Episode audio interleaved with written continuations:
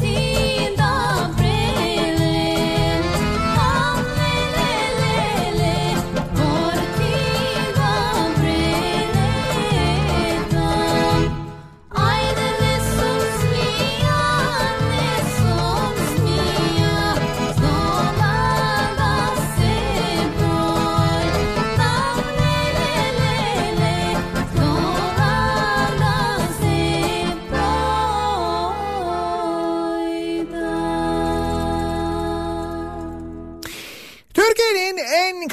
Radyosu'ndan, Kafa Radyo'dan hepinize günaydın. Yeni günün sabahı.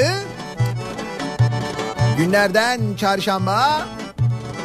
Tarih 31 Temmuz. Temmuz ayının son gününe, çarşamba gününe birlikte başlıyoruz. Hafiften puslu, biraz nemli bir İstanbul sabahından sesleniyoruz. Türkiye'nin ve dünyanın dört bir yanına.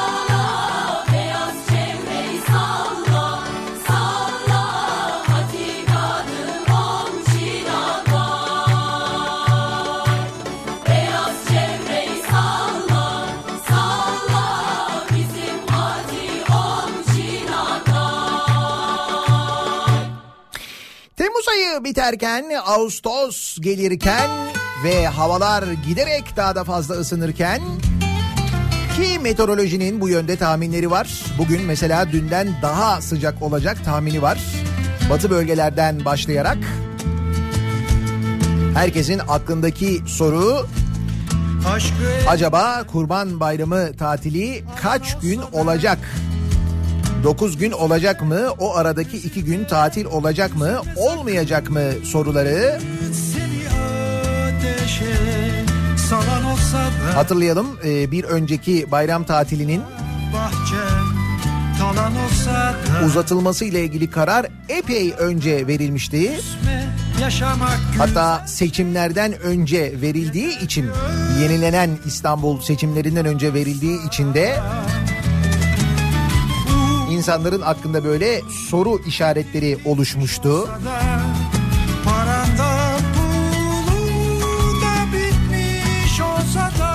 Hani böyle 9 günlük tatile giderler. Ondan sonra da gelmezler. Hatta belki oy kullanmazlar. İnadına gitmediler biliyor musun? Ya. Gitmiş olsa da fakat bu kez ne hikmetse bu kadar kısa süre kalmış olmasına rağmen hala o konuyla ilgili bir karar alınmış değil. Yani olacak ya da olmayacak gibi bir karar yok. Fakat şöyle bir bilgi var. Hazine ve Maliye Bakanı Berat Albayrak Kurban Bayramı'nın 9 güne çıkarılmasına, tatilin 9 güne çıkarılmasına olumlu bakmadığını söylemiş.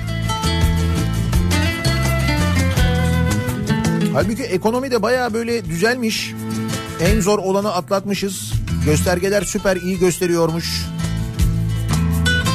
Öyle bir açıklama da var. Bu açıklamanın devamında öyle bilgiler de var.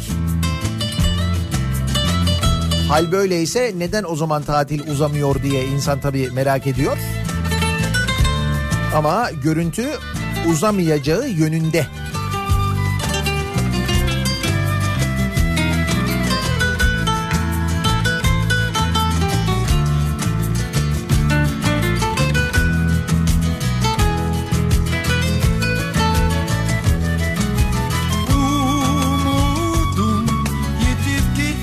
Olsa da Paranda pulu da bitmiş olsa da Kader köşe itmiş olsa da Üzülme sakın hayat güzel. Umudum yitip gitmiş olsa da Paranda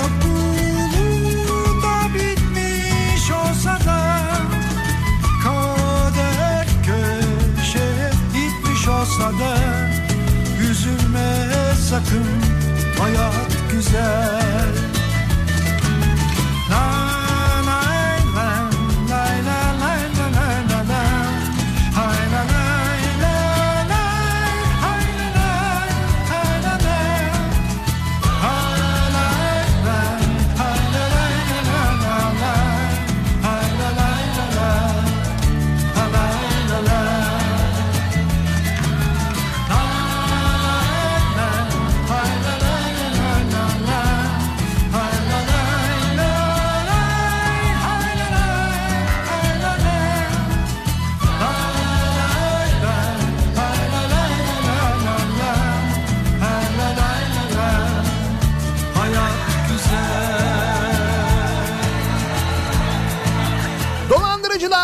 dolandırılanlar, yeni kimi dolandırma yöntemleri, canikolar elbette üstelik tahsilat yapmış olan canikolar. Ee, bütün bunlar bugün konuşacağımız konular. Tabii bir de bir güven meselesi var ki o mutlaka üzerinde durulması gereken ve konuşulması gereken bir konu. Onunla ilgili konuşacağız. Ekonomik kimi gelişmeler. Sorsan yine uçuyoruz. Oo, hem de bayağı uçmuşuz yani açıklamalara bakınca. Kalbin Belediyelerden gelen bilgiler, haberler.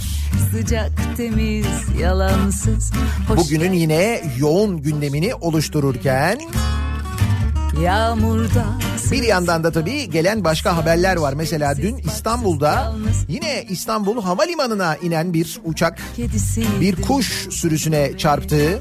Uçakta e, ciddi hasar oluştuğu da anlaşılıyor. Nitekim uçak e, Boeing 777 Türk Hava Yolları uçağı İzmir İstanbul seferini yapıyormuş. Ardından Toronto seferine verilecekmiş ancak verilememiş uçak. Seferden çekilmiş o derece.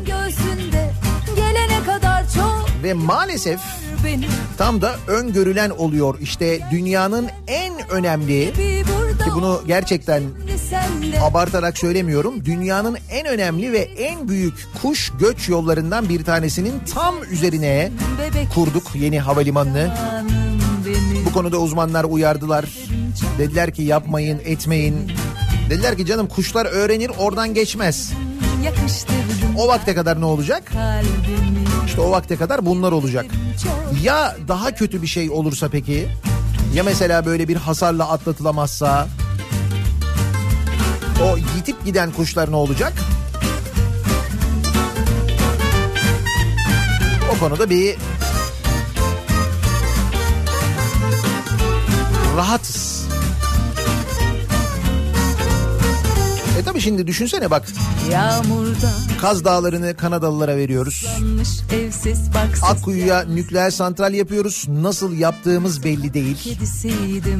Baya böyle apartman inşa eder gibi inşa ediliyor deniyor. Bir yer açtım Sıcak temiz Salda Gölü'nü bitirmek sen, üzereyiz. Şimdi bütün bunları üst üste koy. O zaman sence kuş göç yollarına dikkat edilir mi? Herhangi bir şey inşa edilirken edilmez değil mi? Gerçekten hayal gibi burada olmak şimdi senle. Koyu vereceğim aşk diye ismini Güzel gözlüm bebek yüzlüm kahramanım ederim çok seveceğim seni. Yatıştırdın yakıştırdın kalbine kalbimi. Yemin ederim çok seveceğim seni. Güzel gözlüm bebek yüzlüm kahramanım benim. Yemin ederim çok seveceğim seni. Yatıştırdın yakıştırdın kalbine kalbimi. Yemin ederim çok seveceğim seni ederim çok seveceğim seni Yemin ederim çok Çok seveceğim seni Tatil yaklaştıkça insanın demek ki neşesi daha mı çok yerine geliyor acaba? Kimin için söylüyorsunuz bunu? Benim için mi? Yok be. Ne alakası var? Sen Memleket havaları çalıyorsunuz. O taraflara mı gidiyorsunuz? duruyorsun öyle Böyle benim her çaldığım şarkıdan anlam çıkaracaksanız.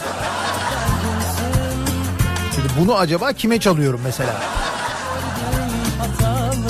Ama yalan yok o tarafları çok özledim. Seninle Kim bilir belki giderim belli olmaz. hala dargınsın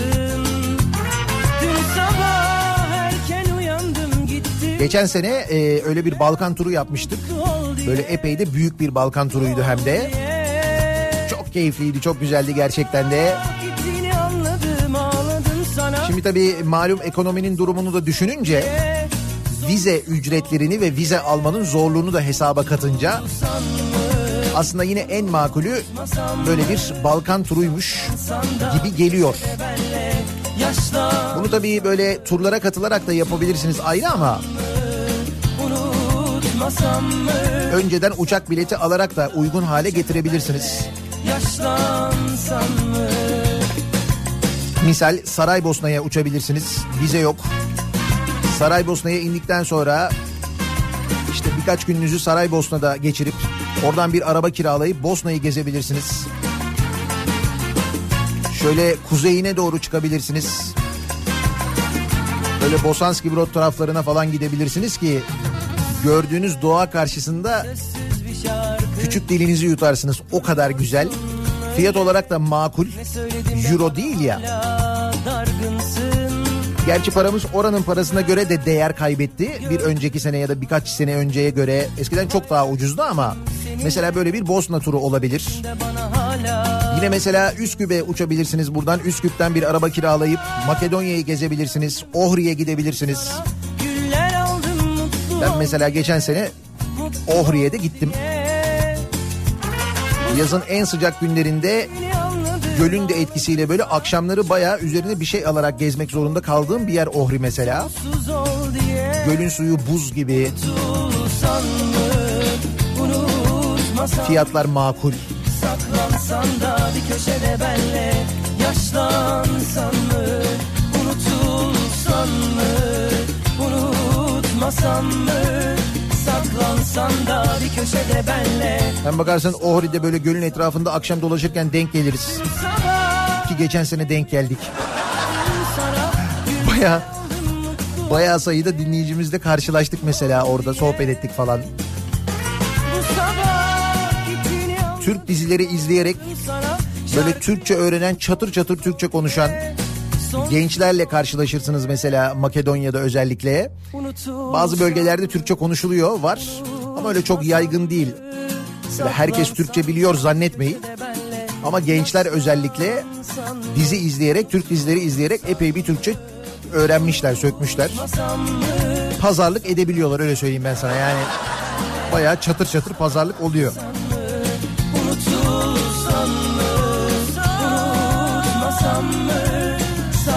Saklansan da bir köşede benle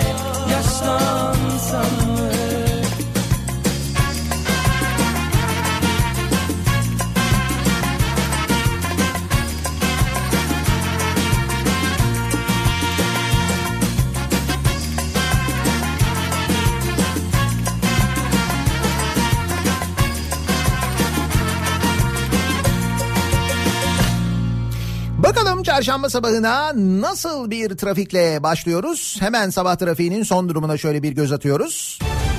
Kafa Radyo Yol Durumu. Diğer sabahlara göre nispeten sakin bir sabah en azından şimdilik öyle. İkinci köprü trafiği Anadolu'dan Avrupa'ya geçişte gayet rahat. Biraz böyle Ümraniye sapağını geçtikten sonra yoğunluk var tır parkı civarında. O noktayı geçtikten sonra yeniden hareketleniyor trafik. Kavacık'a geldiğinizde Kavacık'ta köprü girişinde bir miktar yoğunluk var yine. Birinci köprü trafiği ise Çamlıca rampası ortasından itibaren yoğun. Çamlıca katılımından sonra başlayan yoğunluk Altunizade sapağını geçene kadar sürüyor. Sonrasında yeniden trafiğin hareketlendiğini görüyoruz. Avrasya Tüneli girişinde çok ciddi bir sıkıntı yaşanmıyor an itibariyle sevgili dinleyiciler. Anadolu yakasında Pendik tarafında E5 üzerinde yaşanan bir yoğunluk var. Kartal sapağını geçtikten sonra burayla Pendik arasında özellikle Pendik yönünde yaşanan bir yoğunluk olduğunu söyleyebiliriz.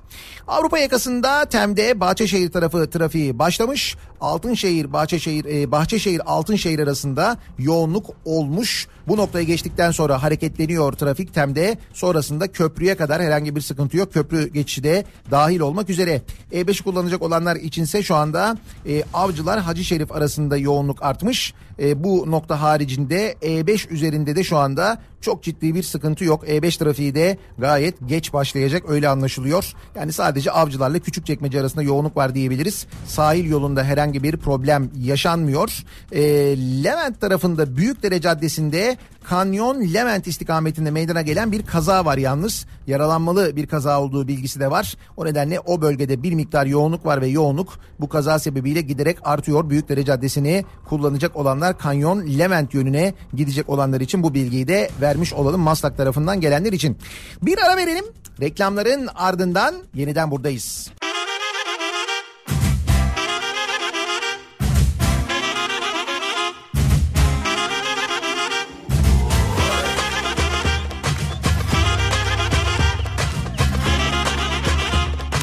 Kafa Radyo'da Türkiye'nin en kafa radyosunda devam ediyor.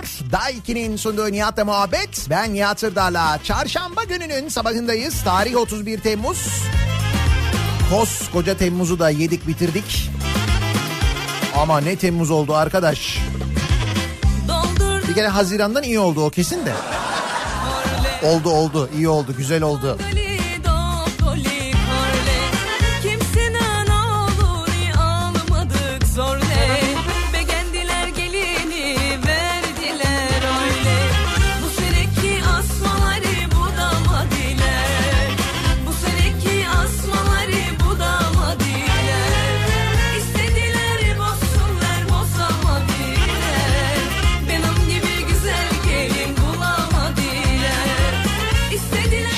Temmuz Haziran'dan güzel oldu evet. Sonrası nasıl olacak? Sonrasına bakarsan uuu, ekonomi bir kere uçacak o kesin. Açıklamalardan öyle olduğunu anlıyoruz yani. Yalnız biz bir bakalım o ekonominin içinde neler oluyor? İnsanlar neler yaşıyorlar? Misal dolandırılıyorlar. Kredi ayarlama vaadiyle dolandırıyorlar insanları üstelik. Bir de böyle bir çete çıkmış. Öncesinde geliyorum diyen ve geçen sene patlak veren ekonomik krizin etkileri ağırlaşarak devam ediyor. Dolandırıcıların hedefinde ise kredi alamayan vatandaşlar var. Bankalardan kredi almakta zorlanan vatandaşları kredi verme vaadiyle dolandıran 12 kişi tutuklanmış. Böyle bir yöntem uyguluyorlarmış. Kredi notu düşük insanlara kredi verme vaadi bir de konteyner satışı ile ilgili görüşme yaparak dolandırıcılık yaptıkları belirlenen kişileri takibe almış polis. Konteyner satışı mı? Abi elimizde çok temiz bir konteyner var. Yani böyle kenarda dursun hiçbir şey olmasa gir içine yaşa ya. O kadar güzel yani.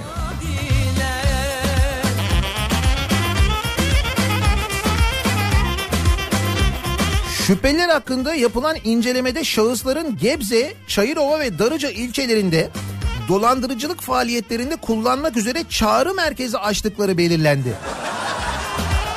Bayağı çağrı merkezi kurmuşlar adamlar yani. Teşkilatlanmışlar.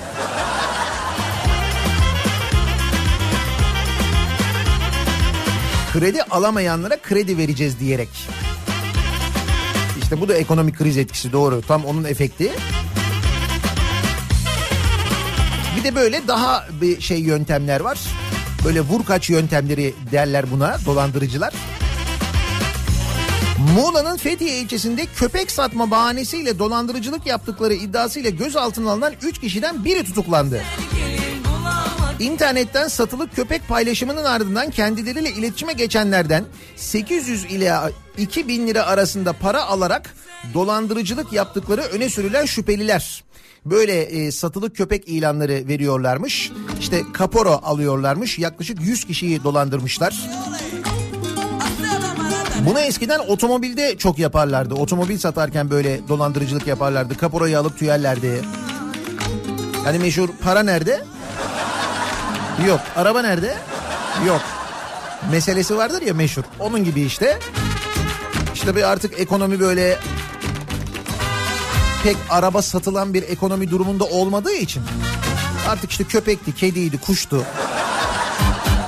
Dolandırıcılar da biraz farkındaysan hacim küçültmüşler. Onlar da küçülmeye gitmişler. Yani böyle herkes küçülüyor.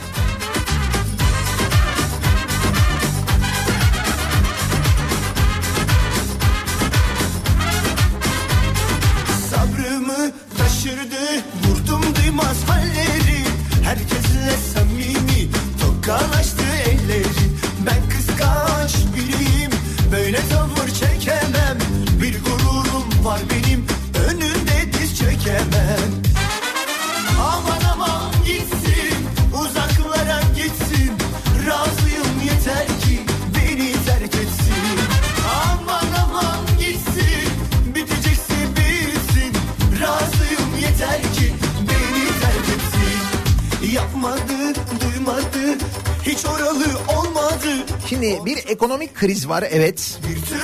Bu ekonomik krizde insanların alım gücünde çok ciddi düşüş var evet. İşte konuştuğumuz konular genelde hep dönüyor buna geliyor. Ve bakın ekonomik krizdeki vatandaşa bir belediye nasıl yardım ediyor? Ekmek yoksa top oynayın. O ekmek yoksa pasta yiyin değil miydi ya? Top oynayın neymiş? Yurttaşla adeta dalga geçtiler. Altındağ Belediyesi fakir dediği yurttaşa yandaşlardan aldığı topu, balonu, çakmağı ve pazar çantasını hediye etti. Top, balon, çakmak, pazar çantası mı? AKP'li Altındağ Belediyesi konusunu bölgemizdeki fakir vatandaşlara dağıtılmak üzere olarak açıkladığı ihaleyle bölgemizdeki fakir vatandaşlara dağıtılmak üzere diyor ihale yapıyor belediye. Ne alıyor ihaleyle fakir vatandaşlara? Çakmak, top, mutfak önlüğü, pazar çantası ve balon almış ihaleyle. Belediye 31 Mart yerel seçimleri öncesi yaptığı 7 ayrı ihale için toplam 1 milyon 106 bin lira ödedi. Belediye logosu bulunan malzemeler seçim öncesi AKP ilçe başkanlığı tarafından dağıtıldı. Belediye 10 bin adet aldığı kağıt çantaların tanesini 18, balonlara 155 bin, topa 500 bin lira ödeme yaptı. Mutfakta bir şey yok ama önlük var. Çakmak var. Olur da bir şey olursa ocağı açabilirsek doğalgaz kesilmediyse falan.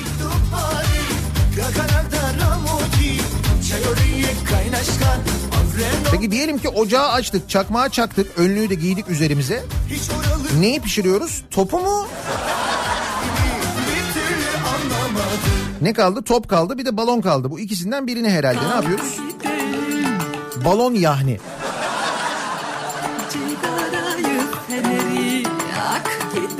Altındağ Belediyesi'nin enteresan bir mizah anlayışı varmış. Yani bir şaka yapmak istemişler ya da bir mesaj vermek istemişler ama anlamadım. Balon, çakmak, top, pazar çantası. Topu çantanın içine koysak sonra onu balona bağlasak havaya doğru salarken alttan çakmakla tutuştursak. Dilek feneri oldu. Kendi dilek fenerini kendin yapıyorsun. Böylelikle hani ekonomik krizde belki dileklerim gerçek olur diye.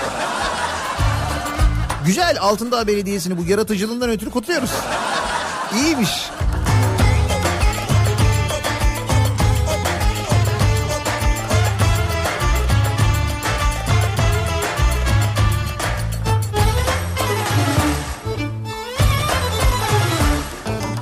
Baklavacı magandalar tahliye oldu. Ne oldu? İlk duruşmada tahliye olur diyenler haklı çıktılar yani değil mi? Adaletle ilgili yine şaşırtmayan bir görüntü. Hatırladınız mı İstanbul'da Pendik'te hani biri hamile kadın ve eşinin içinde olduğu arabaya saldırmışlardı. Arabanın üzerine çıkıp tepinmişlerdi. Aynasını kırmışlardı. Bellerinde silah vardı. Sonra karakolda pek bir itibarlı karşılanmışlardı. Hasan Sel, Hüseyin Sel hatırladınız mı onları? İşte onlar ilk duruşmada tahliye olmuşlar.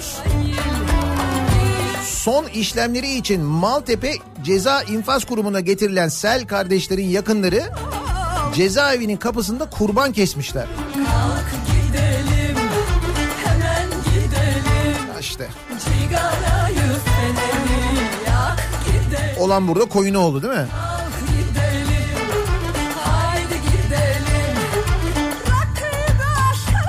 Neyse adalet yanıltmadı da diyebiliriz aslında.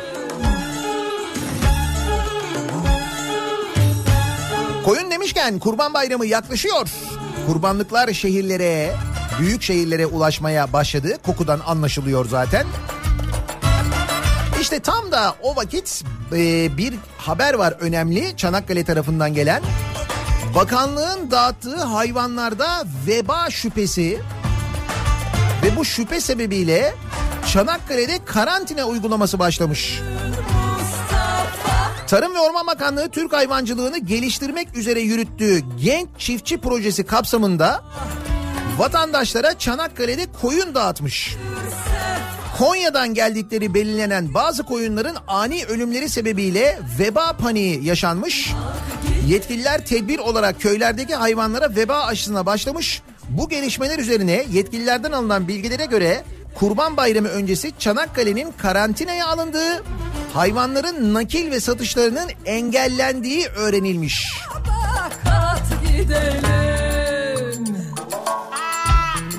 Tarımla ilgili uygulamalarını gerçekten büyük takdirle izlediğimiz tarımın adeta ve çiftçinin adeta coşmasına sebep olan Tarım Bakanlığı yönetiminin hayvancılıkta da üstün başarılarla yoluna devam ettiğini görüyoruz. Geçen de İspanya'dan değil mi? İspanya'nın e, hayvan ithal edilmesi, ihraç edilmesi, hayvan satılması yasak bölgesinden, hayvan çıkarılması yasak bölgesinden getirilen büyükbaş hayvanların sahte belgelerle Türkiye'ye sokulduğu ortaya çıkmıştı. O İspanya'dan. Kendi içimizde de farkındaysan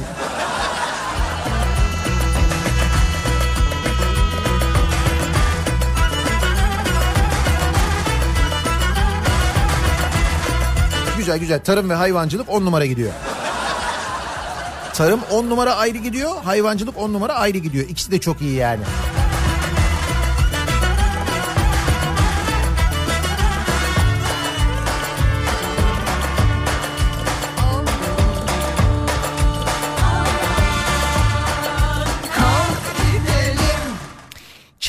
Gidiyor? Çevre bildiğiniz gibi değil. Kaz Dağları'nı yok eden şirketin CEO'sundan çok konuşulacak sözler. Günlerdir konuşuyoruz Kaz Dağları ile ilgili. Bu arada şöyle bir bilgi vereyim ben bu Kaz Dağları'ndaki altın madeni ile alakalı. Bu altın madeninin e, işletileceği bölge bu Atikhisar bölgesi ve oraya çok yakın Çanakkale'nin içme suyunu sağlayan baraj. Burada yapılacak madencilik faaliyeti, yeraltı sularının kirlenmesi, dolayısıyla baraja gidecek olan suların da kirlenmesi, Çanakkale'nin tek içme suyu kaynağının kirletilmesi, ağaçların kesilmesi. Şimdi deniyor ki efendim bu ağaçlar kesilene kadar neredeydiniz? Böyle diyenler de var böyle. Oturuyor klavyenin başına. Okuyor okuyor bu haberleri diyor ki ee bu 100, 100 bin ağaç kesilmiş. Neredeydiniz 100 bin ağaç kesilene kadar? Canım 100 bin ağaç kesilene kadar o insanlar oradaydılar. Yırtıyorlardı bir taraflarını yapmayın etmeyin diye aylardır anlatıyorlardı. Ben de buradan kaç kere söyledim hatırlasanıza. Bundan kaç ay önce? 7 ay önce mi? 8 ay önce mi? Annem Çanakkale'de insanlar toplandılar. Çanakkale meydanında seslerini duyurmaya çalıştılar. Yapmayın etmeyin bakın ağaçları kesecekler orada dediler. Kimse dinlemedi. Kaç kişi yer verdi o habere? Sen o sırada ne yapıyordun? Dizi izliyordun internetten. Ne yapıyordun? Şimdi klavyenin karşısında duyar kasıyorsun güzel. Bu mu? Buna mı takıldın yani? Bugüne kadar neredeydiniz diye. Oradaydılar. Ve seslerini duyurmaya çalışıyorlardı. Sen o sırada duymuyordun işte. Neyse bu bilgiyi verelim. Sonra dönelim yeniden Kaz Dağları'ndaki son gelişmelere. Kaz Dağları'ndaki doğa katliamı ile gündeme gelen Kanadalı maden şirketi Alamos Gold'un CEO'su John McCluskey'nin geçtiğimiz yıl kendi ülkesinde bir televizyon kanalına verdiği demeç. Kanada'da Bloomberg televizyonuna konuşuyor. Ve bu demeçte bu röportajda daha doğrusu söyledikleri ne diyor biliyor musunuz? Bu Kanadalı şirketin CEO'su Türkiye'de diyor mütevazı bir yatırım yaptık. dinlemedi 100 milyon dolar gibi bir yatırım yaptık diyor. Sadece diyor 100 milyar dolar diyor. Ama diyor 3 milyon ons altın bulduk diyor. Değeri diyor 4 milyar dolar yani 22 milyar liraya geliyor bizim paramızla. Biz bunun ne kadarını kazanıyoruz? Ya o altınlar çıkıyordu ne oluyor? Gidiyor. Kim kazanıyor? Şirket kazanıyor. Kim kaybediyor? Biz kaybediyoruz. Efendim ekonomiye kazandırılmasın mı? Kardeşim böyle kazandırılacaksa kazandırılmasın tabii ki canım. O toprağın üstündekiler emin ol altındakilerden daha değerli. Senin geleceğin için daha değerli. Senin çocuğunun geleceği için daha değerli. Bu ülkede yaşayabilmek, nefes alabilmek için daha değerli, daha kıymetli. E, Kime anlatıyorum ben Neyse diyor ki bu Kanadalı şirketin CEO'su. Mütevazı bir yatırım yaptık diyor. Üretime 2020 yılında başlayacağız ve 15 sene sürecek diyor. Vay 15 sene diyor oranın canını okuyacağız. Ondan sonra defolup gideceğiz. Ama diyor bunu bakanlık da söylüyor. Diyor ki hatıra ormanı yapacağız diyor. Ne olacak o hatıra ormanın ismi? Nasıl geçirdik hatıra ormanı olacak herhalde. Herhalde böyle bir şey olacak yani. Bu paraya böyle bir para kazanacak. Bizim doğamızı katledecek gidecek. Ne hatıra ormanı yapacak? Onun için yapacak. Bu da bizden size hatıra kalsın diye. Demiş ki Türk lirasının değer kaybetmesi maliyetlerimizi de düşürdü demiş. Türkiye'deki işler daha kolay oluyor demiş.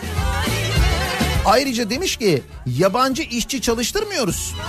Türkler taş taşımakta çok iyiler demiş. Vay bir de bizi övmüş. Ama öyle deme haksızlık ediyorsun. Sadece taş taşımakta değil ağaç kesmede de. İyiyiz yani.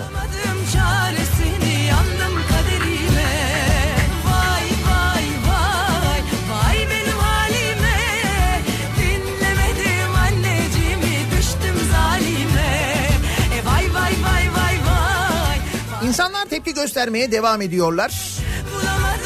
Konuyla ilgili bugüne kadar gelen tek açıklama şu. Hayır 190 bin değil 14 bin ağaç kesildi. Dalga geçer gibi. Orası Kaz Dağları değil. Kaz Dağları'na 40 kilometre mesafede. İçme suyu yok. Onunla ilgili bir açıklama var mı? Bir değerlendirme var mı? Yok. Ne güzel çevre değil mi? Çok.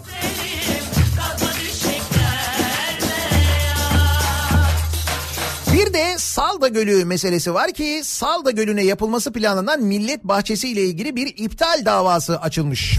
Burdur'un Yeşilova ilçesindeki Türkiye'nin Maldivleri olarak anılan dünyaca ünlü Salda Gölü'ne yapılması planlanan millet bahçesi projesinin iptali ve yürütmenin durdurulması için Isparta İdare Mahkemesi'ne dava açılmış Mimarlar Odası Antalya Şubesi.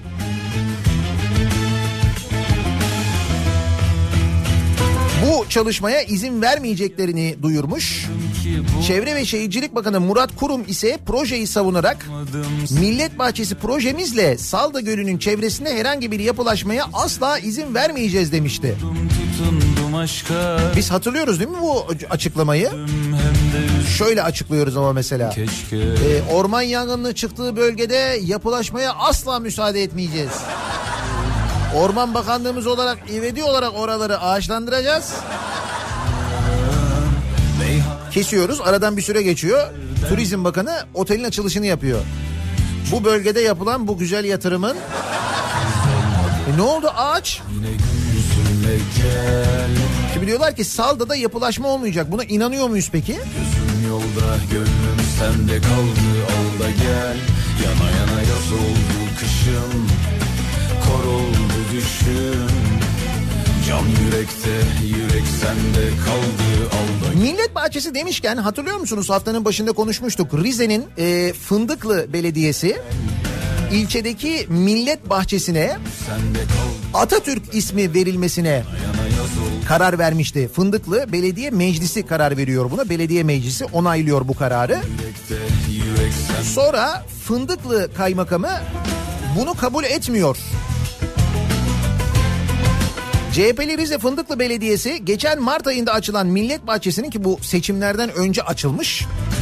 Adını Atatürk Parkı, içindeki Millet Bahçesi'nin adını da Kazım Koyuncu Kültür ve Sanat Evi olarak değiştirmiş. Ancak Fındıklı Kaymakamlığı Belediye Meclisi'nde alınmış bu kararı kamu yararı görmediği gerekçesiyle iptal etmiş. dururken İvedilikle indirin diye bir de yazı göndermiş kaymakam. İvedilikle. Bir yollarda kayarken alem Ne hallere düştük ulan Demiş ki e, Fındıklı Belediye Başkanı Ercüment Şahin Şervatoğlu asla ve asla o ismi oradan indirmeyeceğim. Direnmekse direnmek, kendimi bağlamaksa bağlamak, yakmaksa yakmak ama o tabelayı indirmeyeceğim demiş. Çok istedim olsun diye olmak Atatürk ismi kamuya zararlı, kamuya yararı yok öyle mi? Tek sözünle gel Gözüm yolda gönlüm sende kaldı al gel. Yana yana yaz oldu kışım Kor oldu düşüm Can yürekte yürek sende kaldı al gel. Bana yine gül yüzünle gel Tek sözünle gel Gözüm yolda gönlüm sende kaldı al da gel Yana yana yaz oldu kışım Kor oldu düşüm Kefen parası müteahhite gitti. Kaldı al Heh diyordum Canikos haberi yok mu? Varmış. Hani bu Merkez Bankası'ndaki ihtiyat akçesi vardı ya. Biz o ihtiyat akçesini hani en son meclis kapanmadan önceki meclis biliyorsunuz Ekim'e kadar tatile gitti. E, tatile gitmeden hemen önce çıkarttıkları torba yasanın içine koymuşlardı ya o Merkez Bankası'ndaki ihtiyat akçesini. Yani Türkiye'nin kefen parasını hazineye aktarmışlardı ya. İşte o aktarılan para ne oldu diye merak edenler için, ne oldu bizim kefen paramız diye merak edenler için cevabı veriyoruz. Canikos'una gitti. Hazine Merkez Bankası'ndan aldığı paranın ilk bölümüyle borç ödemiş. Merkez Bankası'nın karından alınıp hazine bütçesine aktarılan ihtiyat akçesinin bazı kamu kurum ve kuruluşlarının borçlarını ödemek için kullanıldığı bildirilmiş. Bütçe açığının yılın ilk 5 ayında %225 artmasının ardından daha fazla bozulmanın önüne geçmeyi planlayan Hazine ve Maliye Bakanlığı Merkez Bankası'nın 46 milyar liralık ihtiyat akçesinin bütçeye aktarılması için düzenleme hazırlamıştı. Düzenleme meclisten geçmişti. İşte bu alınan ilk 21 milyarın yani Merkez Bankası'ndan e, bütçeye aktarılan 21 milyarın müteahhitlere ödendiği anlaşılmış. Sadece Karayolları müteahhitleri 2018 yılından kalma 2,5 milyar ödemiş mesela. Bu köprüleri möprüleri ödedik mi ya? Ben onu merak ediyorum. Hani bu geçiş garantisi verdiğimiz köprü, tünel falan.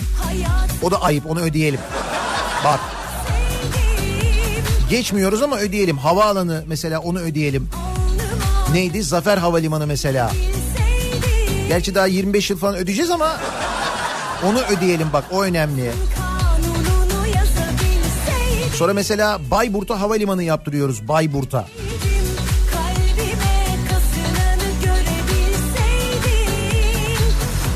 Geçen Candaş yazıyordu böyle nüfus nüfus. Ben onu e, bayağı önce konuştuk biz bu Bayburt Havalimanı'nı daha ihalesi yapılmadan önce.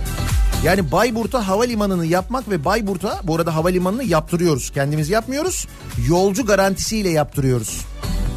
Sonra da Bayburt'a niye uçak seferi yok falan diye tartışmalar çıkacak. Bakın görürsünüz. Sonra bizim o havalimanına ödediğimiz paralar ortaya çıkacak. O havalimanını yapan şirkete. Onları da konuşacağız önümüzdeki aylarda, yıllarda. Kesin konuşacağız. Tıpkı Zafer Havalimanı gibi. Yani şöyle Bayburt'u alıp mesela Erzurum Havalimanı'nın yanına taşısan Bayburt'un tamamını daha ekonomik oluyor biliyorsun? Değil mi? Havalimanının yanına. Böyle uzağına da değil böyle evden çıkıyorsun yürüyerek havalimanına gidiyorsun. Bayburt'u oraya taşısan daha ekonomik oluyor yani.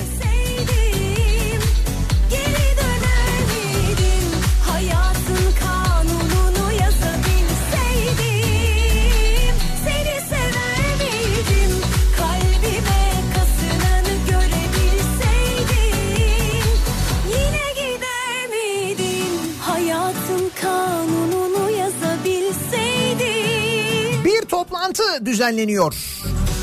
Kalbime Toplantı şu Asya Pasifik Yayın Birliği'nin ABU oluyormuş bunun kısaltması. Asya Pasifik Yayın Birliği'nin etkinliklerinden biri olan ve TRT'nin ev sahipliğinde düzenlenen 5.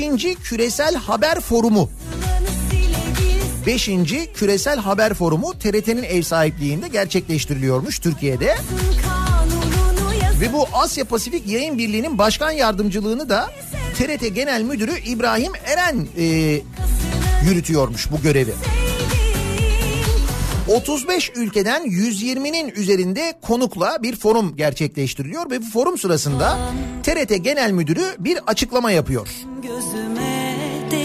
Bu yılki teması bu arada forumun habercilikte güven ve gerçeklik ve Türkiye'de oluyor bu. Çok manidar. Hadi forumu bizde yaptın. Bir Türkiye'de yaptın bu forumu anladım. Belki sıra bize gelmiştir. Zaten başkan yardımcısı TRT'nin genel müdürüymüş. Onu da anladık. Ama forumun konusunun yani temasının habercilikte güven ve gerçeklik olması çok ayıp. Yani bir şey demek istemişler sanki bize. Böyle sanki böyle bir bir gönderme var gibi geldi sanki ama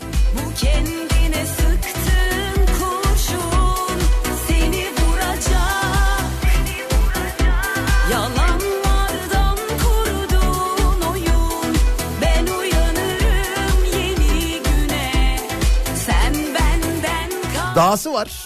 Dahası daha güzel hatta. Yani konunun temanın bu olması habercilikte güven ve gerçekliğin bu olmasının ötesinde daha güzeli şu. TRT Genel Müdürü diyor ki halkımız diyor TRT'nin yaptığı haberlerin hepsine güveniyor. Bak nasıl espri. Yani bayağı eğlenceli geçen bir toplantı yani. Halkımız TRT'nin yaptığı haberlerin hepsine güveniyormuş. sen Halkımız ne yapıyorsunuz? Güveniyorsunuz yani. İyi.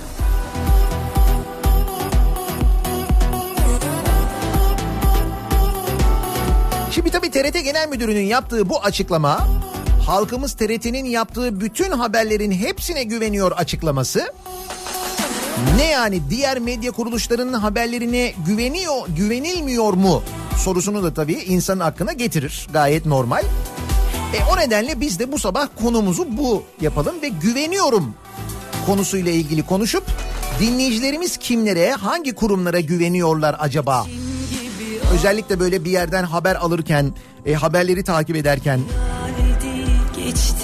siz kimlere, hangi kurumlara güveniyorsunuz acaba diye soruyoruz ve bu sabahın konusunu güveniyorum olarak belirliyoruz. gecene TRT Genel Müdürü Eren diyor ki halkımız TRT'nin yaptığı haberlerin hepsine güveniyor. Siz kimlere, hangi kurumlara güveniyorsunuz acaba? Güveniyorum bu sabahın konusunun başlığı. Sosyal medya üzerinden yazıp gönderebilirsiniz mesajlarınızı. Twitter'da böyle bir konu başlığımız, bir tabelamız, bir hashtagimiz an itibariyle mevcut. Güveniyorum başlığıyla konuşuyoruz. Facebook sayfamız Nihat Sırdar fanlar ve canlar sayfası. Buradan yazabilirsiniz. niyatetniyatsırdar.com elektronik posta adresimiz. Bir de WhatsApp hattımız var. Ben uyanırım 0532 172 kafa yani 0532 172 52 32 WhatsApp hattımızın numarası buradan da yazabilirsiniz.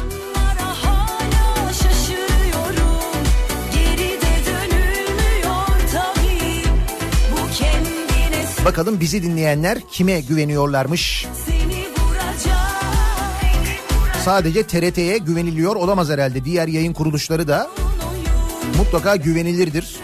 Onları da küstürmemek gerekir. Öyle düşünüyorum ben.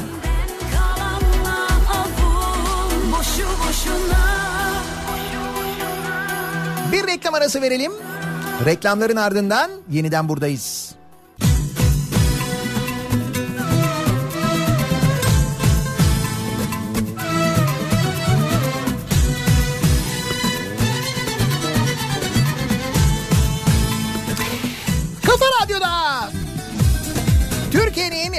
Kafa radyosunda devam ediyor. Daha 2'nin sonunda Nihat'la muhabbet. Ben Nihat Sırdar'la. Çarşamba gününün sabahındayız. 8'i 3 dakika geçiyor saat. Güveniyorum bu sabahın konusunun başlığı. TRT Genel Müdürü demiş ki halkımız TRT'nin yaptığı haberlerin hepsine güveniyor. Biz de başka kimlere, hangi kurumlara güveniyorsunuz acaba diye soruyoruz bu sabah dinleyicilerimize. Emek Güveniyorum. uğruna Çaldığım şarkılara güveniyorum ben mesela. Böyle dönem dönem çok sık çaldığımız şarkılar olur. Bir dönem çok sık çaldığım şarkılardan bir tanesidir. Zaman zaman böyle alerjilerin arttığı dönemlerde aklıma gelir çalarım. Alerjim var. Mesela insanlarla bu açıklamalarla böyle göz göre göre dalga geçilmesine kendi adıma alerjim olduğunu söyleyeyim. Ya da mesela insanlara böyle fakir insanlarımıza yardım ediyoruz diye yardım poşeti hazırlayıp içine top, balon, çakmak, mutfak önlüğü konulmasına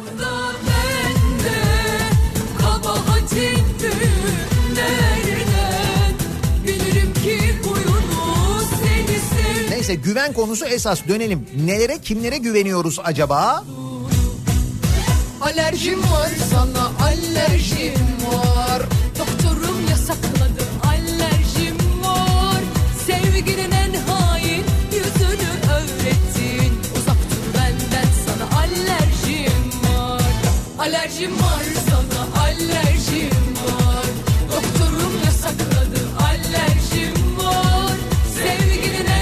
alerji ilacı reklamı yalnız biliyor musun? Bu kadar olur yani. Ben en çok A Haber'e güveniyorum. Bu sayede dünyanın en sorunsuz ülkesinde yaşıyorum. En mutlu vatandaşlarından biri oluyorum demiş Talha. Haklı. Antidepresan yerine. Değil mi?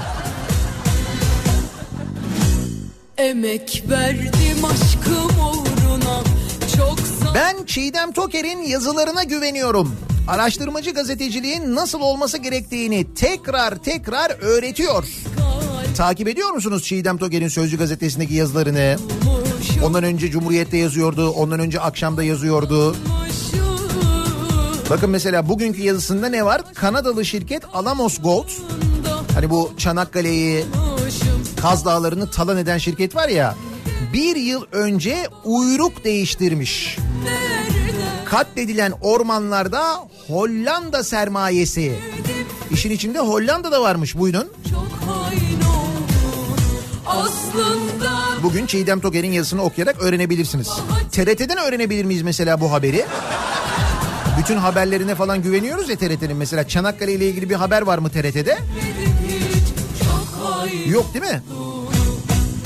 Alerjim var sana alerjim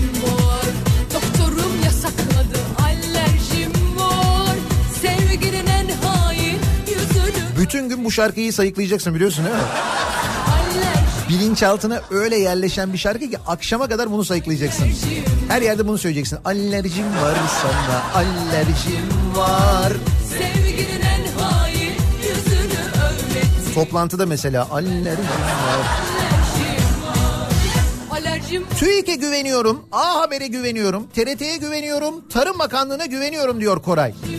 Bak şaka yapmıyorum gülmeyin çok güveniyorum ya. Koray combo yapmış. Alerjim var sana alerjim var Doktorum yasakladı alerjim var Sevginin en hain Moralim bozuk olduğunda Burhan Kuzu'ya güveniyorum. Açıyorum Twitter'ı mutlaka bir şey saçmalamıştır diyorum. Hakikaten moralim düzeliyor. Güveniyorum kendisine. Evet ona da güvenebilirsiniz bak mesela. O konuda güvenin yani. Eğleniyorsun. Ben basın özgürlüğüne güveniyorum da basirete pek güvenesim yok.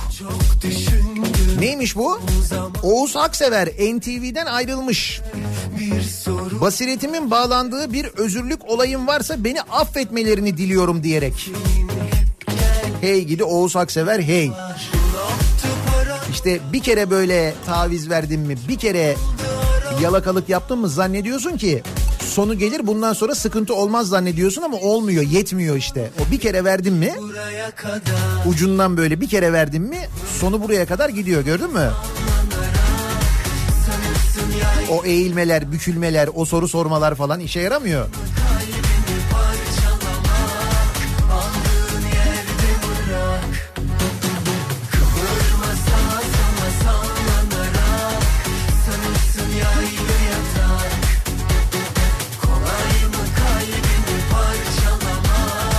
Yargıya son derece güveniyorum diyor Dinçer. Çünkü beni hiç şaşırtmıyor. Toplumda infial uyandıran hangi zanlı varsa ilk duruşmada salını veriyor. Şu baklavacılar dün ilk duruşmada serbest bırakıldılar biliyorsunuz değil mi? Ama yargılama devam ediyor. Kesin ceza alırlar güveniyorum ben de evet.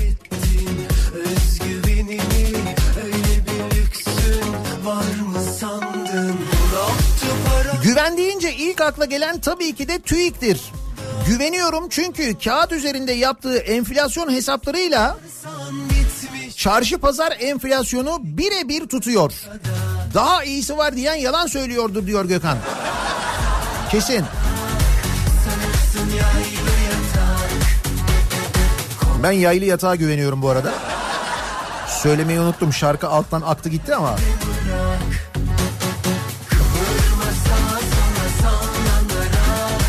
Sanırsın yaylı yatak.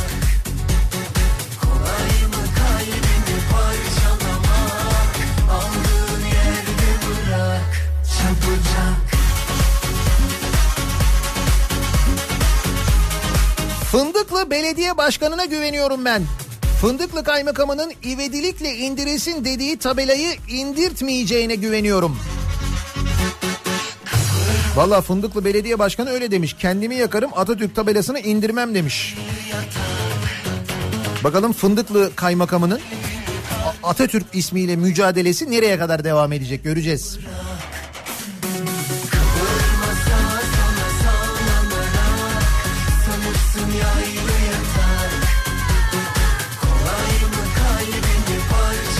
Bütün haber kurumlarından daha çok Twitter'a güveniyorum. Az biraz araştırınca doğru haberi, doğruyu Twitter'dan öğreniyorum diyor Burçin. Doğru insanları, doğru haber kaynaklarını takip etmekten geçiyor aslında bakarsanız bütün hadise. Ve gerçekten de benim tanıdığım etrafımdaki insanların çoğu da haberi artık sosyal medya üzerinden alıyorlar. Hani böyle gazeteden oradan buradan falan değil. Zaten gazete satışları ortada. Zaten gazetelerin yüzde doksanının kaynağının nereden geldiğini biliyoruz. Hatta bazen o kadar şeyler ki böyle hiç yorulmuyorlar aynı başlığı atıyorlar ya o zaman çok şeker oluyorlar. Hepsinde aynı başlık böyle bir bakıyorsun. Ya onunla bile uğraşmıyorlar yani. Gerek yok. Aklını başımdan aldı mı? Kapatma sakın kapıları. Ben Yüksek Seçim Kurulu'na güveniyorum diyor Bora. İyi ki ilk İstanbul seçimini iptal etmiş. Asıl hakkaniyetli sonucu ikinci seçimde görmüş olduk sayelerinde. Biz bu Yüksek Seçim Kurulu'nun mesela bu İstanbul seçimlerinin iptali sürecinde yaptıklarını unutmayacağız değil mi? Kapatma sakın kapıları Bir sonraki seçimlerden önce hatırlayacağız değil mi onları?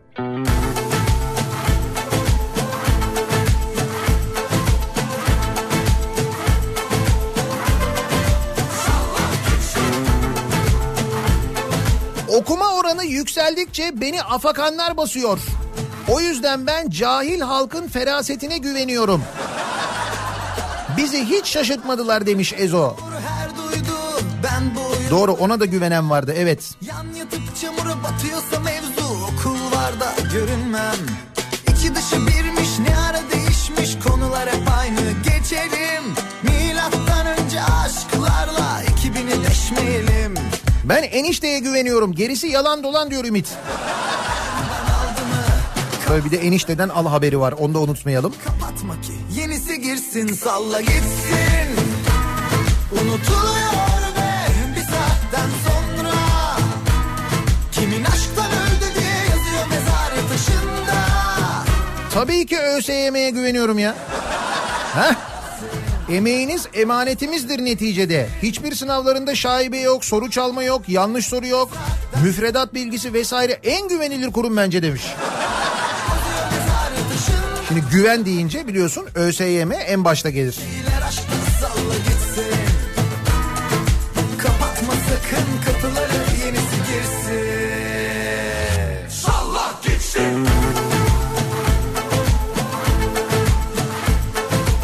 Hazineye ve doğal olarak bakanına güveniyorum.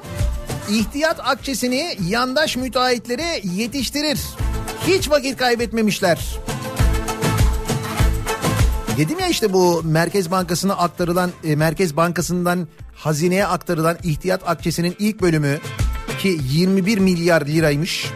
Müteahhitlere ödeme olarak gitmiş.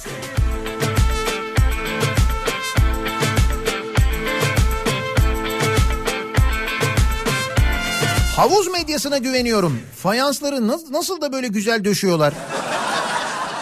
Ayrıca su da çok güzel.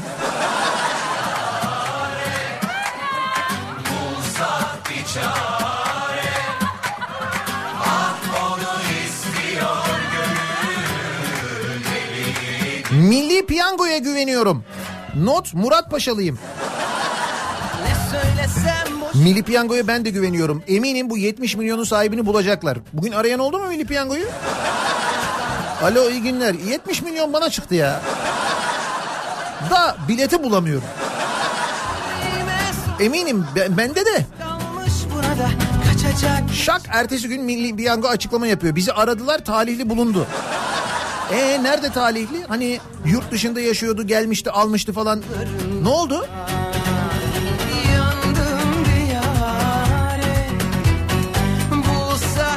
Çare. Ah onu istiyor gönül Deli divane. Ah onu istiyor gönül Deli divane. Yandım diyare İşim düştüğünde kamu kurumlarına işimin hallolmayacağını bildiğimde sabrıma güveniyorum. Hani otomatik vites ya diyor İlhan. Tabii tabii o şimdi eski sistem manueldi yeni sistem otomatik vites.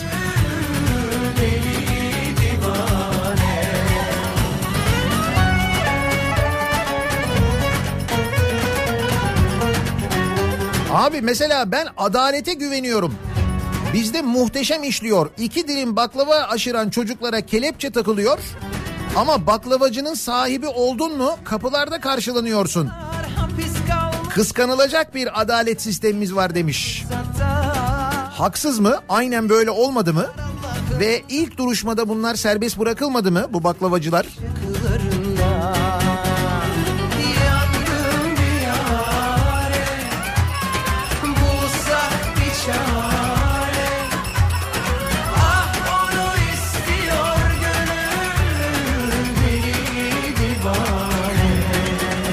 Hazine Bakanlığı'na güveniyorum. Çok güvenilir açıklamalar yapılıyor.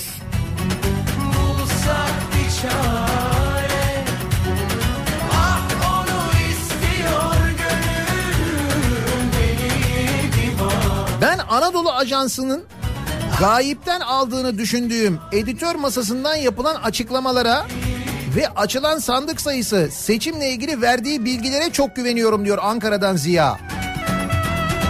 Atma Ziya. Şimdi işin içinde Anadolu Ajansı geçince doğal olarak. Bir de Anadolu Ajansı var değil mi? Anadolu Ajansı'nın haberlerine de güveniyoruz değil mi? Verdiği bilgilere özellikle seçim bilgilerine, seçim sonucu bilgilerine, veri akışına,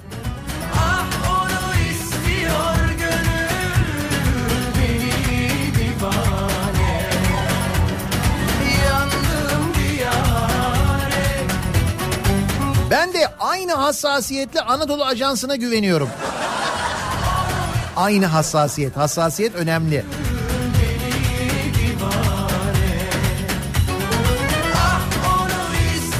Şahsen ben Devlet Bahçeli'ye güveniyorum. Aslında Devlet Bahçeli'nin geçmişte de böyle hükümet ortağında ortağı olduğunda yaptıklarını düşünürsek e şimdi de hükümet ortağı olduğunu düşünürsek belki resmen olmayabilir ama ortak oldukları aşikar. Devlet Bahçeli'nin genelde e, böyle sonlara doğru bazı hamleleri oluyor. Ona güveniyorum diyor dinleyicimiz.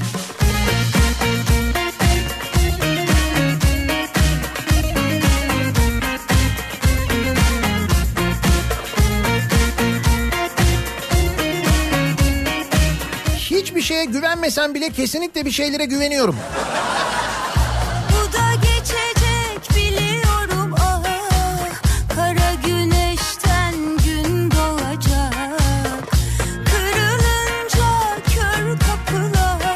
Bak şimdi Anadolu Ajansı mesajları gelmeye başladı. Anadolu Ajansı'na güveniyorum diye.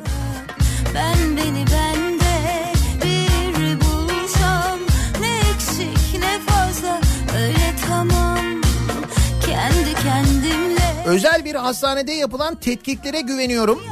O tetkiklere göre 5 yıla yokum. Neyse sonra Allah'tan iyi bir laboratuvarda test yapıldı da hatalı olduğu ortaya çıktı diyor dinleyicimiz. Geçmiş olsun ya.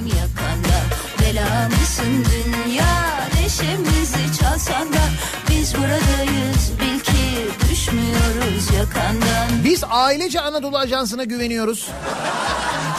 Onlar kadar özgür basın yok.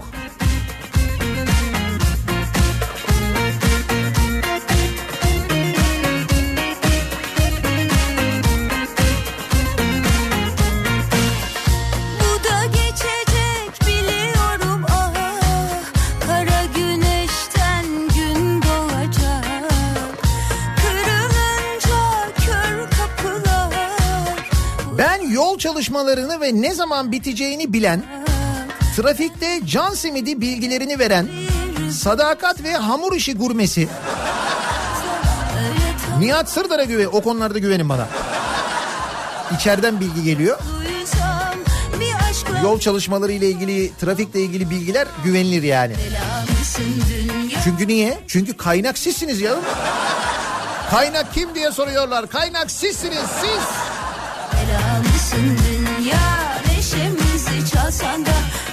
Buradayız bil ki düşmüyoruz yakandan Ben mitile güveniyorum. ya şu mitili toplayın ortalıktan ya. Bak İstanbul'da attınız hala kaldı mitil orada duruyor.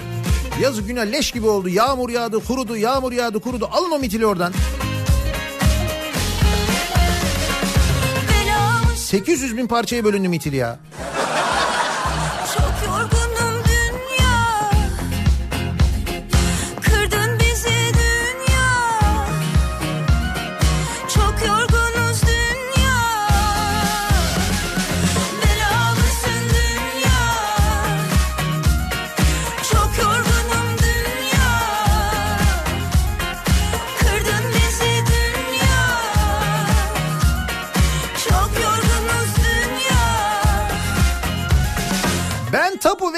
Maestro'ya güveniyorum demiş mesela bir dinleyicimiz. Dask yaptırıyorum. Aynı binada 40 metrekare de var. 130 metrekare de var. Kimse sormuyor nasıl bir şekli var bu binanın diye.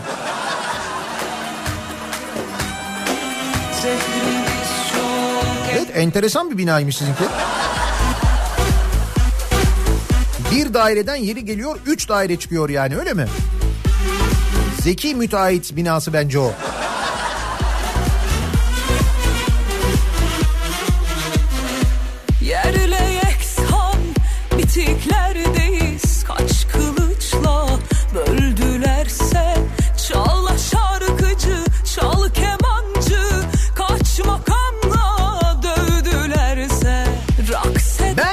şanzımana güveniyorum. İnşallah otomatik viteste arıza çıkmaz diyor Mehmet.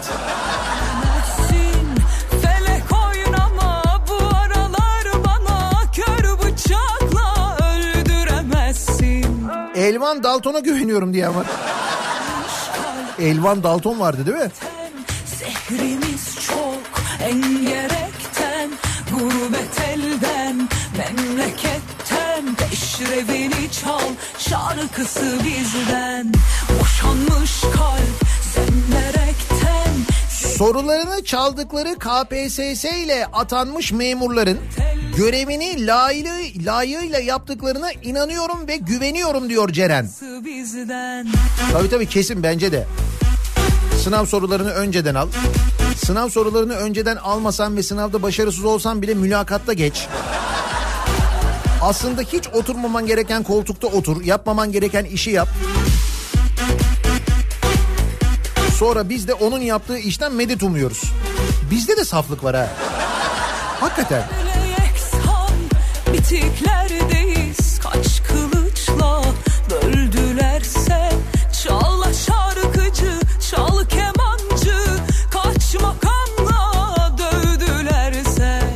Gaziantep ve Bursa belediyelerine güveniyorum diyor.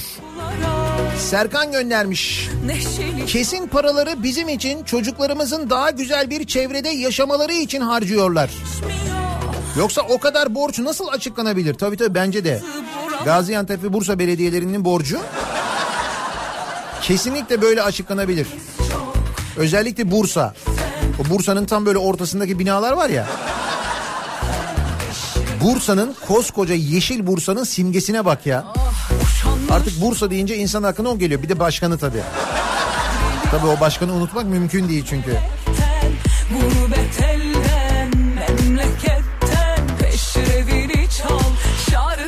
Bizden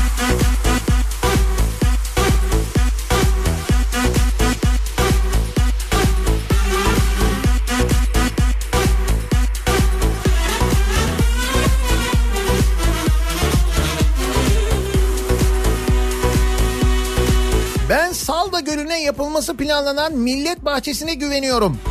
Eminim ki o göl oradan gidecek. Evet beklentimiz o yönde. TRT Genel Müdürü konuşmuş sevgili dinleyiciler. İbrahim Eren demiş ki halkımız TRT'nin yaptığı haberlerin hepsine güveniyor. peşrevini Siz kimlere, hangi kurumlara güveniyorsunuz acaba diye biz de bu sabah dinleyicilerimize soruyoruz. Güveniyorum bu sabahın konusu. Reklamlardan sonra yeniden buradayız.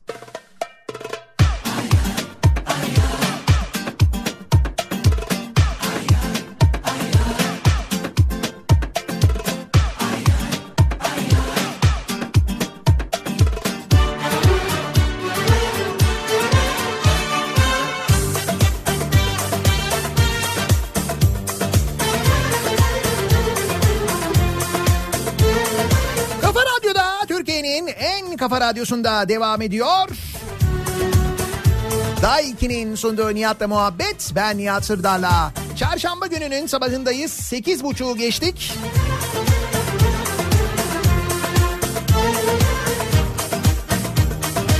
Güveniyorum bu sabahın konusunun başlığı. Kimlere güveniyoruz? Hangi kurumlara güveniyoruz? Neden bu konuyu konuşuyoruz? TRT Genel Müdürü'nün bir açıklaması var çünkü. Halkımız TRT'nin yaptığı haberlerin hepsine güveniyor demiş. Bunu böyle önemli bir toplantıda söylemiş. Bilmiyorum kimse gülmüş mü tabii de. Ben olsaydım mesela dayanamazdım yani.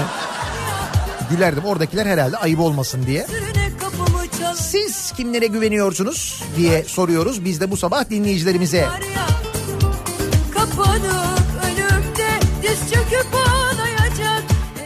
Dünyanın en güvenilir seçim sistemi bizde diyen hiçbir şey olmasa bile bir şey olduğu iddiasıyla seçimi iptal ettiren parti yetkililerine ve tabii ki iptal eden YSK'ya sonsuz güveniyorum. Evet. Önümüzdeki seçimlerde de güvenmeye devam edeceğiz değil mi?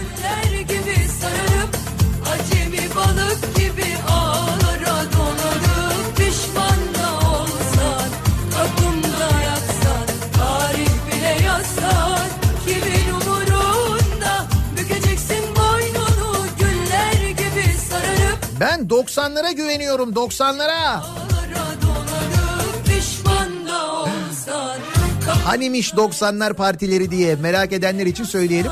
Şimdi hep İstanbul yok mu, Ankara yok mu, İzmir yok mu, Antalya diye herkes soruyordu. Önümüzdeki sonbahardan itibaren olacak. Türkiye'nin birçok şehrinde sizlerden gelen yoğun talep üzerine bu 90'lar gecesini yapacağız. Çünkü hakikaten çok eğlenceli oluyor.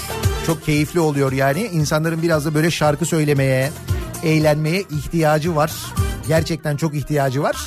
İşte o nedenle önümüzdeki günlerde Ağustos'un sonu itibariyle diyeyim ben Eylül'le birlikte hem Türkiye'de hem de Türkiye'nin yani İstanbul'da hem de birçok şehrinde Türkiye'nin e, 90'lar gecelerini yapacağız. 90'lar partilerini yapacağız. Haberiniz olsun.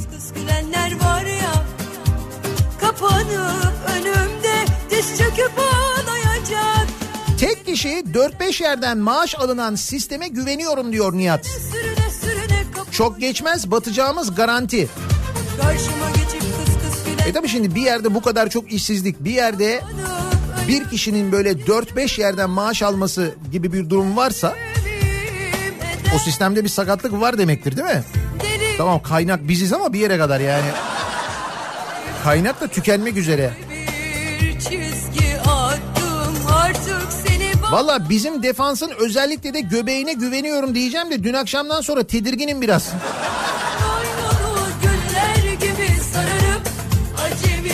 Şimdi şöyle diyeceğiz. Bir hazırlık maçı, iki Almanya şampiyonu. Yani skor pek hoş olmamakla birlikte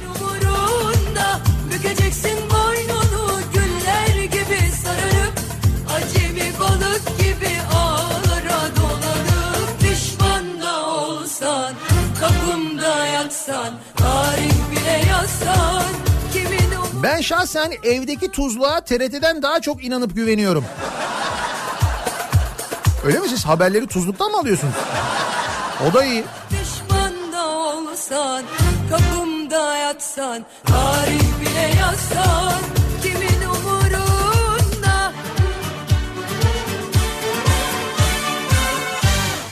Saat 10'dan sonra ormana girmeyi yasaklayan Gaziantep valisine güveniyorum. Diyor mesela Hamit göndermiş. Öyle mi? Antep'te öyle bir şey mi varmış? Saat 10'dan sonra ormana girmek mi yasaklanmış? Göçmenler ormanlarda parklarda kalmasınlar falan diye alınan karardan mı bahsediyorsunuz? O mu?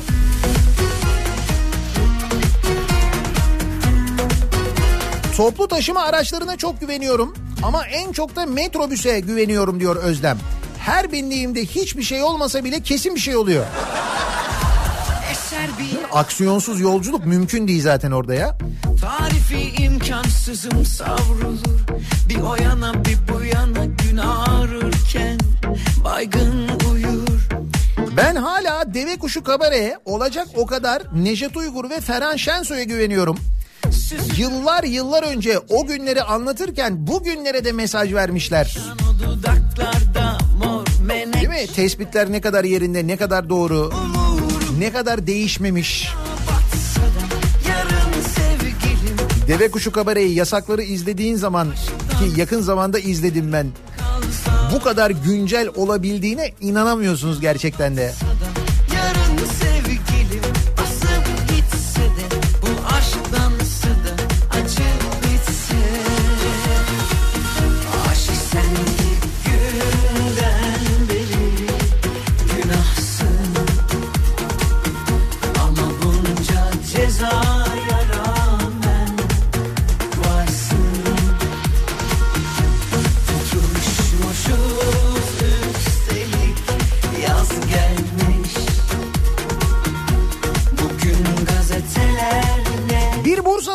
belediye başkanımıza sonsuz güveniyorum diyor Ebru. İyi ki var kendisi. Bursalılar minnettar ona. Artık sadece Bursalılar değil. Biz de.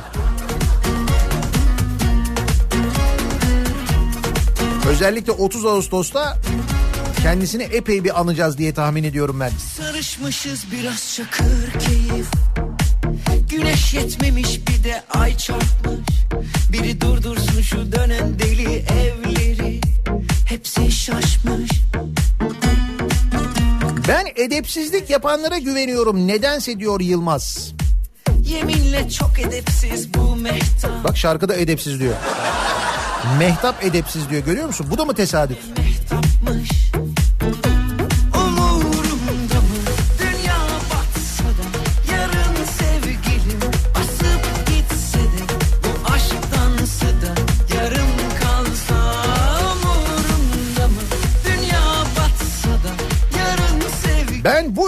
ülkenin kimya bilgisine güveniyorum. aşktan Amirim bile rakı yapmaya başlamış baksanıza diyor. Behzat Ç'nin yeni bölümü yarın değil mi bu arada?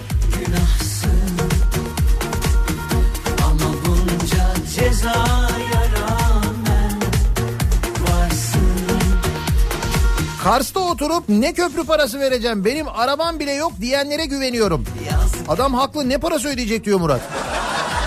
Hiç.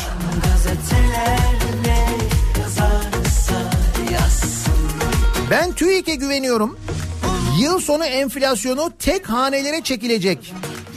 Gerekli müdahalelerle diyor Murat. Ben kesin güveniyorum canım.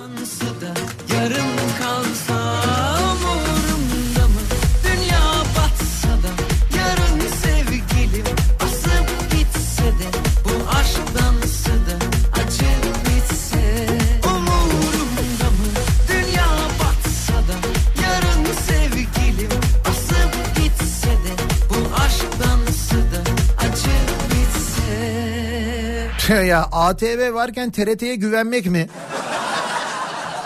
Lütfen demiş Havva'ya. Bak o da doğru ha. Bir de ben diyor torba yasalara güveniyorum. Ne şemsiyeler çıktı o torbalardan diyor.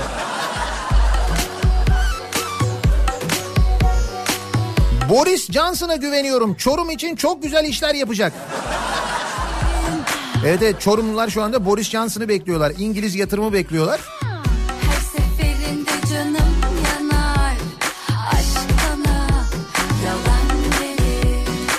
Eskişehir'den Ahmet diyor ki ben betona güveniyorum.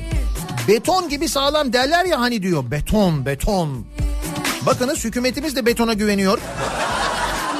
Yani ülkemiz artık çok güvenli ve çok sağlam. Niye? Çünkü her taraf beton.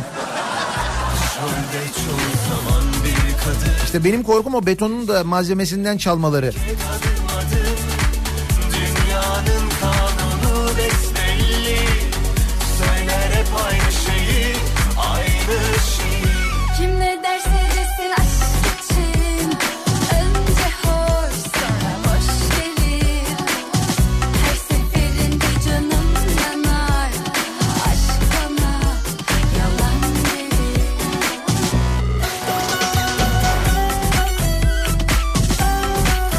Okçuluk Vakfı'nın oklarına güveniyorum. Güzel atıyorlar. Beylikdüzü'nden Cem göndermiş. Bakınız Beykoz'da Riva'daki Okçuluk Vakfı piknik alanı. Kendin vur kendin ye.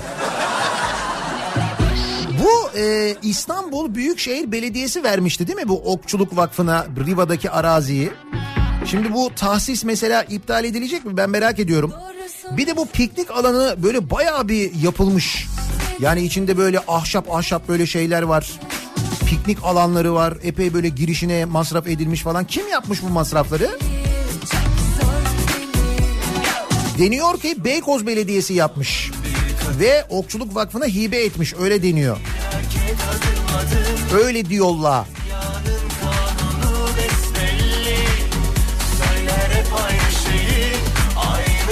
Şehir hastanelerine güveniyorum. Sağlıkta devrim yaptık. Devrim. Şelaleli. Şehir hastanesi ama şehirde değil.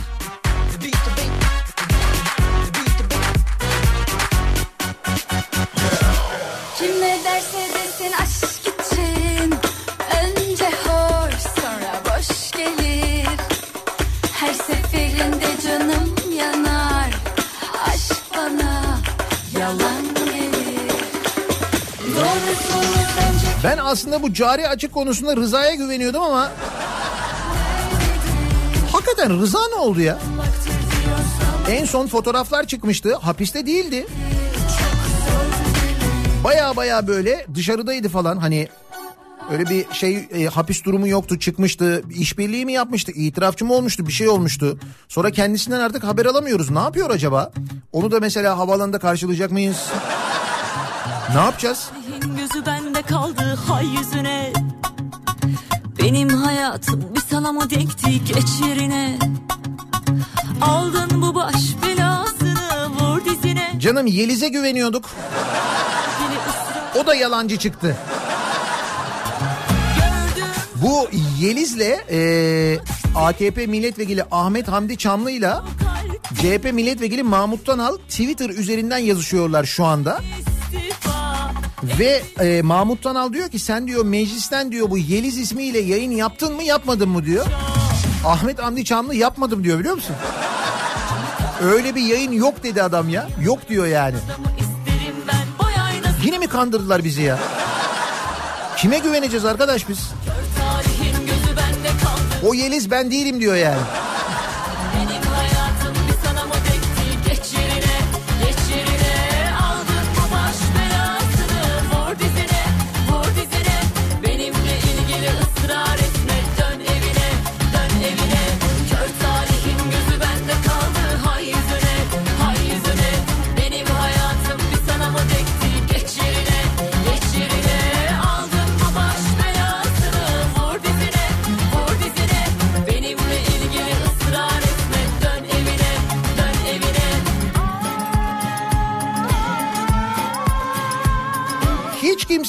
Kimseye güvenmesem sana güveniyorum diyor.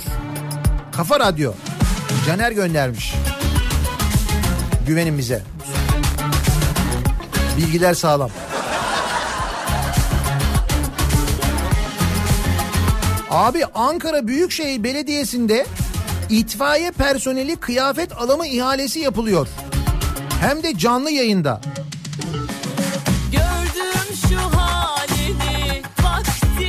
Canlı yayında ihale mi yapıyorlar Ankara Belediyesi'nde? Bak ya.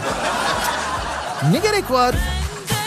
Hayır canlı yayında yapılmazsa biz ne ihalesi olduğunu bilmezsek sonra çeşitli sürprizlerle karşılaşıyoruz. Hoş oluyor, tatlı oluyor. Bir bakıyoruz jet ski çıkıyor mesela. E değil mi? Şimdi biliyoruz yani kaç paraya alınmış, ne kadara alınmış, kim ne teklif vermiş, ne alınmış. Bunların hepsini biliyoruz. Sürprizi kaçıyor. Heyecanı kalmıyor. Daha yanıma yakışan adamı isterim ben Boy aynasına bak konuşma fazla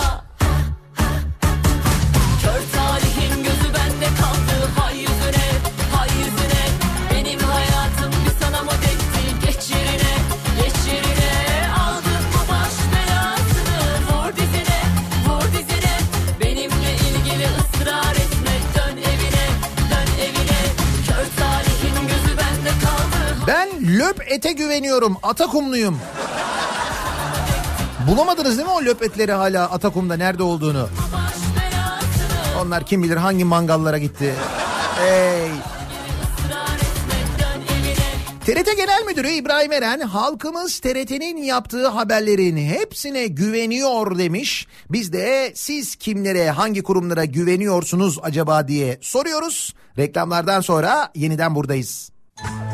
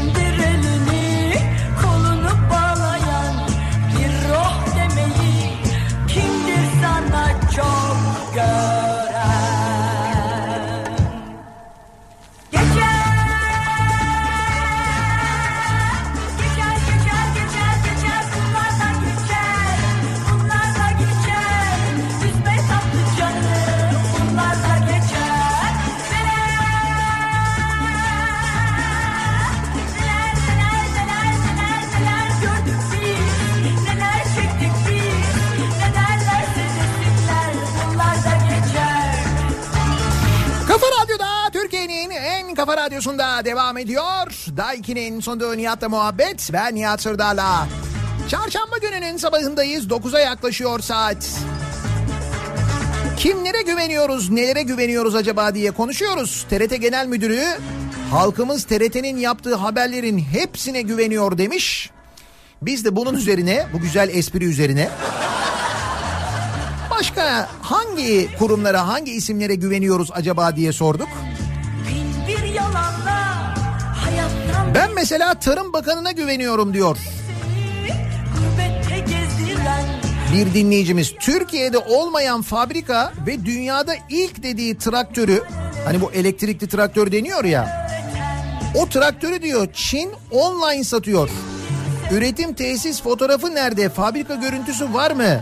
Sadece kaporta değişmiş. Yerli demek biraz zor diyor ama yani bu elektrikli denilen traktör baya böyle online satılıyormuş hakikaten de.